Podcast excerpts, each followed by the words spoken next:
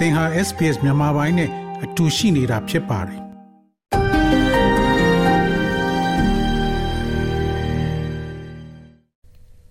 တရရှိမြရှိ Australia Explain အစီအစဉ်အရဒီကနေ့မှာတော့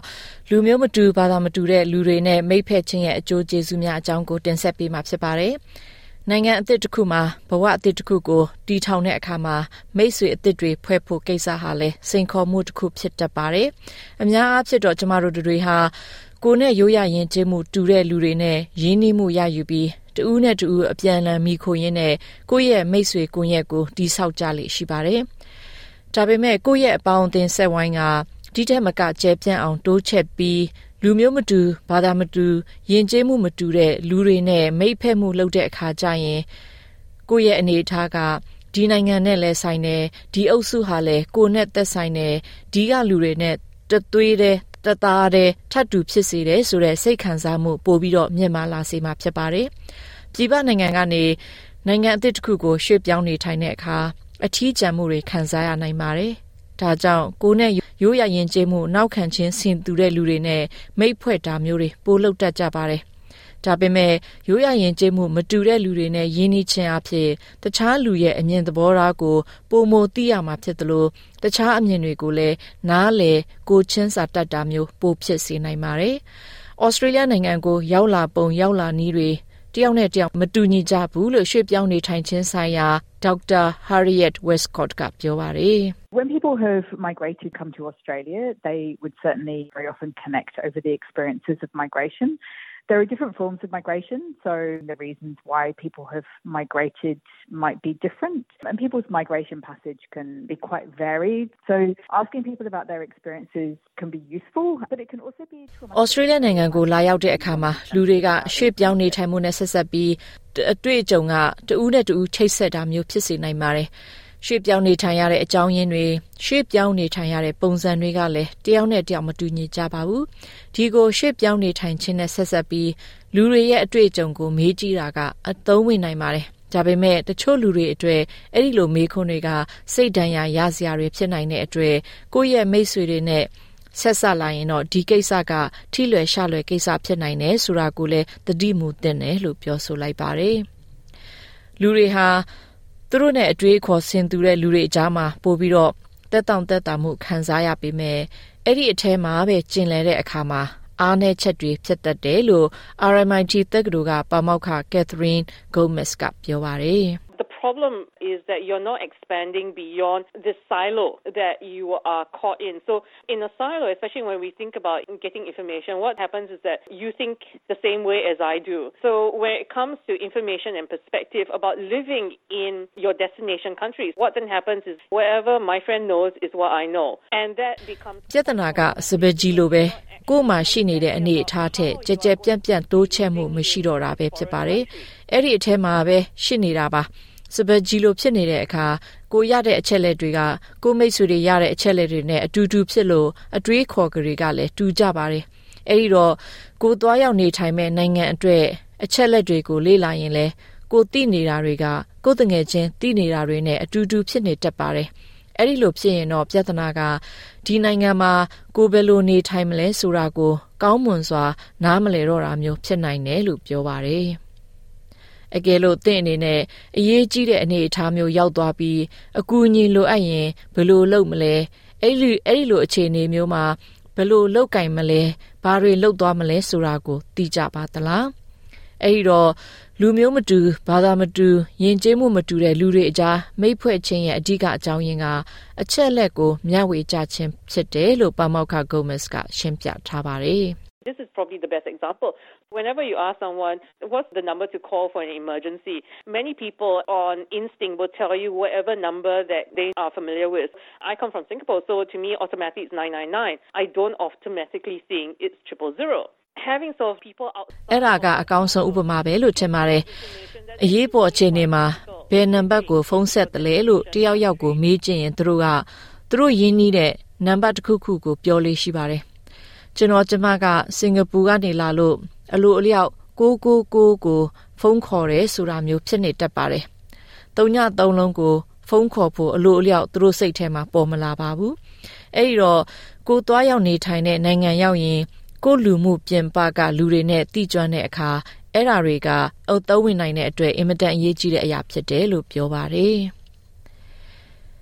နိုင်ငံတကာចောင်းသားတွေရဲ့အဆိုအရသူတို့တွေဟာ သူတို့ကြောင်းတက်တဲ့နိုင်ငံကလူတွေနဲ့မိတ်ဖွဲ့တဲ့အခါမှာ culture shock ခံစားရတာမျိုးပိုနေပြီးတော့အဲ့ဒီနိုင်ငံအသက်မှာနေသားတကြဖြစ်မှုကိုပိုခံစားရစေတယ်လို့ပြောပါရယ်။ဒါပေမဲ့ပမောက္ခဂိုမက်စ်ရဲ့အဆိုအရတရုတ်နိုင်ငံကចောင်းသူចောင်းသားအများစုဟာတရုတ်မိတ်ဆွေတငယ်ချင်းတွေကလည်းရင်တခြားပြင်ပမိတ်ဆွေတွေမရှိကြဘူးဆိုတာကိုပြောပြကြတယ်လို့ပြောပါရယ်။သူတို့ရဲ့မိတ်ဆွေတွေကတရုတ်တွေဖြစ်နေုံမက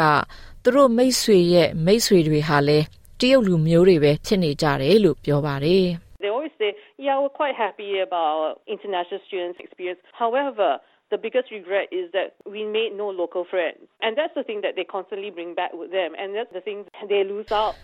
သူတို့ပြန်ပြောလို့ရှိတာက နိုင်ငံတကာចောင်းသားဖြစ်ရတဲ့အတွေ့အကြုံကိုအတော်ကိုကြိုက်နေတတ်တယ်။ဒါပေမဲ့နောင်တအရာဆုံးကတော့ဒေသခံတွေနဲ့မိတ်ဆွေမဖွဲ့ခဲ့တဲ့အချက်ပဲလို့ပြောဆိုလေးရှိပါတယ်။အဲ့ဒီလိုဆုံးရှုံးမှုကိုသူတို့အမြဲတမ်းပြန်ပြောလေးရှိပါတယ်။အကြောင်းရင်းကတော့သူတို့ရဲ့မိတ်ဆွေအတိုင်းဝိုင်းကိုအဲ့ဒီထက်မကဖြန့်ကျက်နိုင်ရင်သူတို့ရဲ့အတွေ့အကြုံကလည်းအဲ့ဒီထက်မကတမူထူးခြားမှာဖြစ်တဲ့အတွက်ပဲဖြစ်ပါတယ်။ဒါပေမဲ့အဝေးကနေရွှေ့ပြောင်းနေထိုင်သူတွေ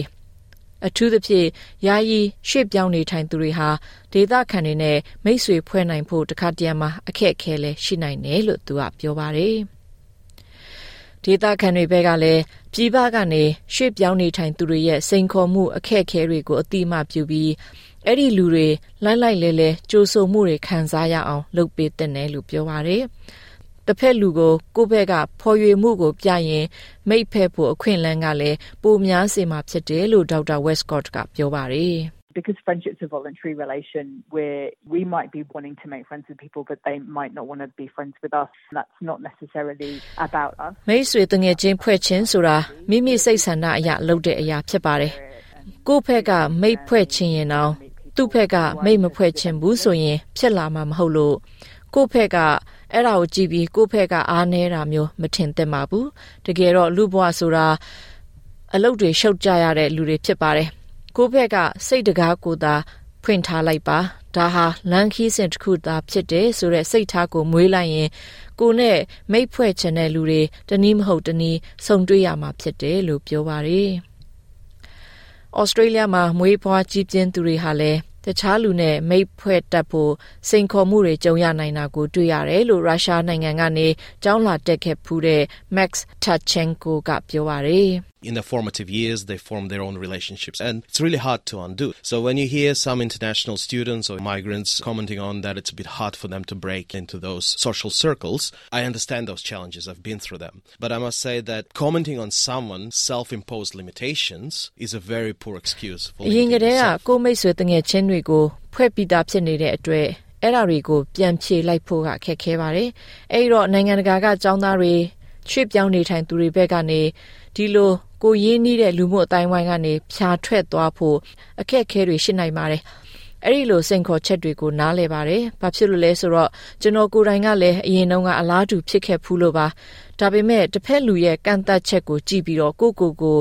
ကန့်တတ်လိုက်တာမျိုးကကောင်းမွန်တဲ့အကြောင်းပြချက်တော့မဟုတ်ဘူးလို့သူကပြောပါတယ်။ Mr. Chachenko ကသူ့အတိုင်းဝိုင်းထဲတာမကအဲ့ဒီထက်ကြော်လွန်ပြီးဘယ်လိုလှုပ်ဆောင်ခဲ့တယ်လဲဘယ်လိုလှုပ်ဆောင်တင်တယ်လဲလို့မေးရမှာသူက it really came down to curiosity and meaningful relationship because it's like thinking of a kid in a candy store. They never go for a single type of candy. They want to try everything. And when it comes to Australia, you can have a cultural candy store just on the same street. So why just limit yourself? Just go out and try. When it comes to meaningful relationships, we have to realize we make those relationships with a person တကယ်တော့ကိုဘယ်လောက်အထိဆက်ဆက်ဆွဆွရှိတယ်လဲဘယ်လောက်အထိအတိတ်ပဲရှိတဲ့ဆက်ဆံရေးမျိုးကိုလိုချင်တယ်လဲဆိုတဲ့အပေါ်မူတည်တယ်လို့ပြောပါတယ်ကလေးငယ်တူကိုတကြားလုံးဆိုင်တဆိုင်ခေါ်သွားတာကိုဥပမာအနေနဲ့တွေးကြည့် ်နိုင်ပါတယ်။ကလေးကအဲ့ဒီတကြားလုံးအမျိုးပေါင်းစုံရှိနေတဲ့ဆိုင်ကိုရောက်တဲ့အခါမှာတကြားလုံးတစ်မျိုးတည်းကိုပဲတစ်ချိန်လုံးသွားတဲ့အခါတိုင်းရွေးချယ်နေမှာမဟုတ်ပါဘူး။သူတို့ကဟိုတစ်ခုဒီတစ်ခုစမ်းချင်တတ်ကြပါတယ်။အဲ့တော့ဩစတြေးလျဆိုတာဟာလေတကြားလုံးမျိုးစုံရောင်းတဲ့ဆိုင်လိုပါပဲသူကတော့လမ်းတလန်းထဲမှာပဲရိုးရရင်ကျိုးမှုပေါင်းစုံနဲ့ပြည့်နေတဲ့ရိုးရရင်ကျေးမှုဆိုင်ကြီးလို့ပေါ့ အဲ့ဒီလိုမျိုးနေရာမှာနေပြီးကိုကိုကိုဘာလို့ကန့်တတ်နေအောင်မလဲစမ်းကြည့်တင်ပါတယ်အဲ့တော့အတိတ်ပဲရှိတဲ့ဆက်ဆံရေးလို့ပြောတဲ့အခါတခြားလူရဲ့လူမျိုးဘာသာနိုင်ငံသားကအရေးမကြီးတော့ပဲမိတ်ဖွဲ့ဆက်ဆံနိုင်ခြင်းမျိုးဖြစ်ပါတယ်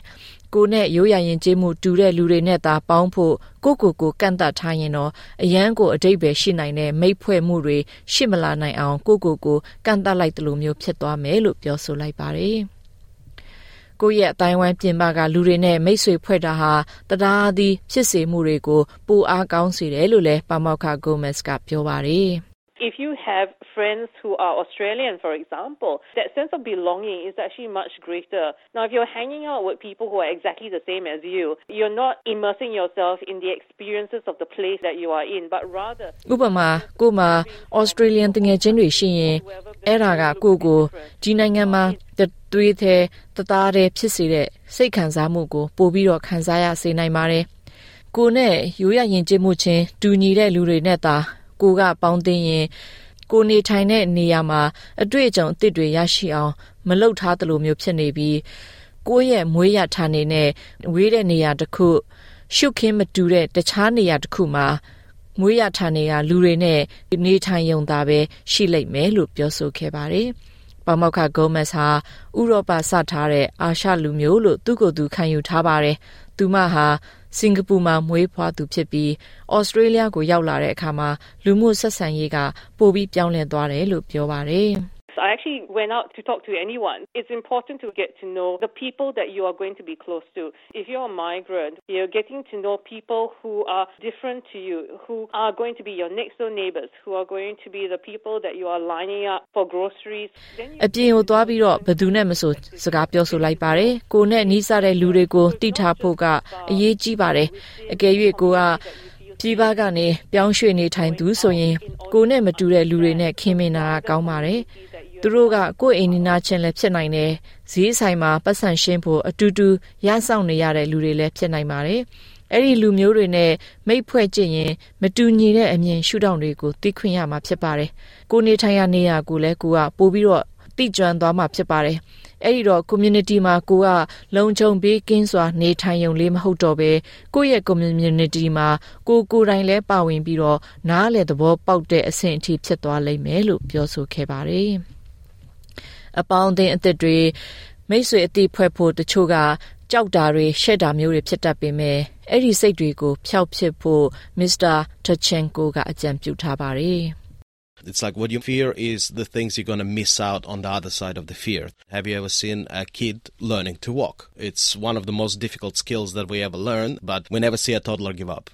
They try and try and try, and then they walk and they run. So I say just push through the fear and get to the fun stuff. You just got to get out there, crack a joke. အဲ့ဒါတွေကိုရှက်ကြောက်နေစရာမလိုပါဘူးကိုမလုံမီလို့ကိုမတိလိုက်ရလို့အဲ့ဒီအတွေ့အကြုံတွေကိုဆုံးရှုံးလိုက်ရမှာကိုသာကြောက်တင်တာပါကလေးတွေလမ်းလျှောက်တက်ခါစားကိုမြင်ဖူးကြမှာပါ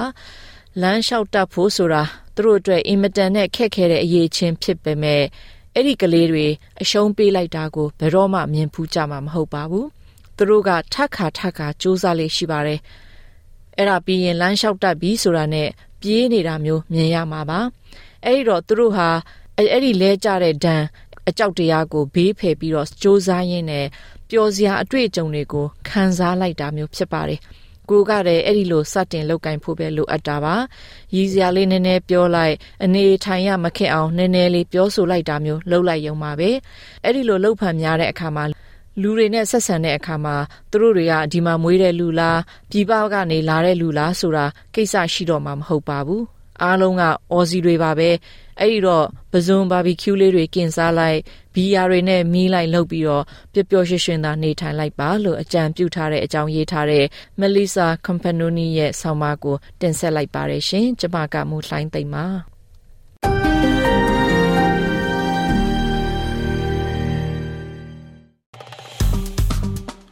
SPS မြန်မာပိုင်းကို Facebook ပေါ်မှာ like ရှာပြီး like မျှဝေမှတ်ချက်ပေးပါ